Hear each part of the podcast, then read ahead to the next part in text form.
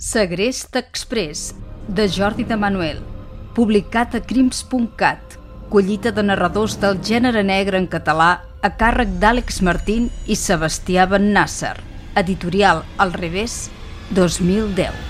Enregistrament en veu alta. Capítol 7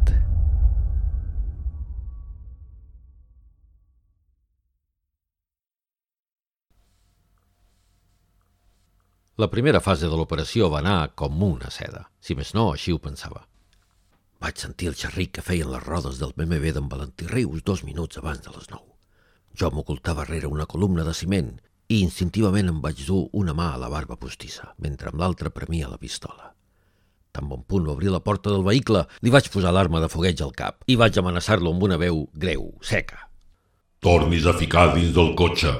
Si parla o xiscla, és home mort.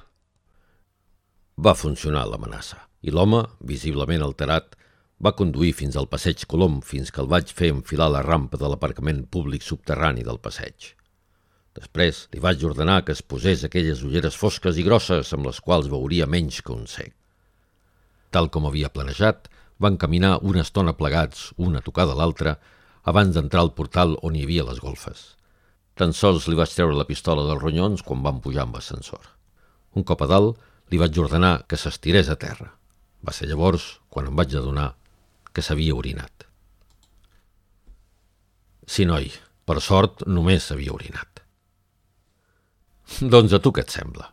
Em vaig asseure en una cadira amb el raspaller al pit i sense deixar d'apuntar-lo li vaig dir que s'aixequés i es canviés amb una muda de roba neta que jo havia tingut la precaució de dur. Què et creus? Havia pensat en tot, jo. Era un pla intel·ligent i net, el meu.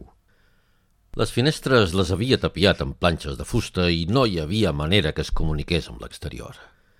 El vaig lligar de mans i li vaig formar un peu en una columna que hi havia al mig de l'estança. Els seus moviments eren molt limitats. Tan sols podia moure's en cercle en un radi de dos metres. Sí, com si fos un gos, però vols callar d'una vegada? Continuarà.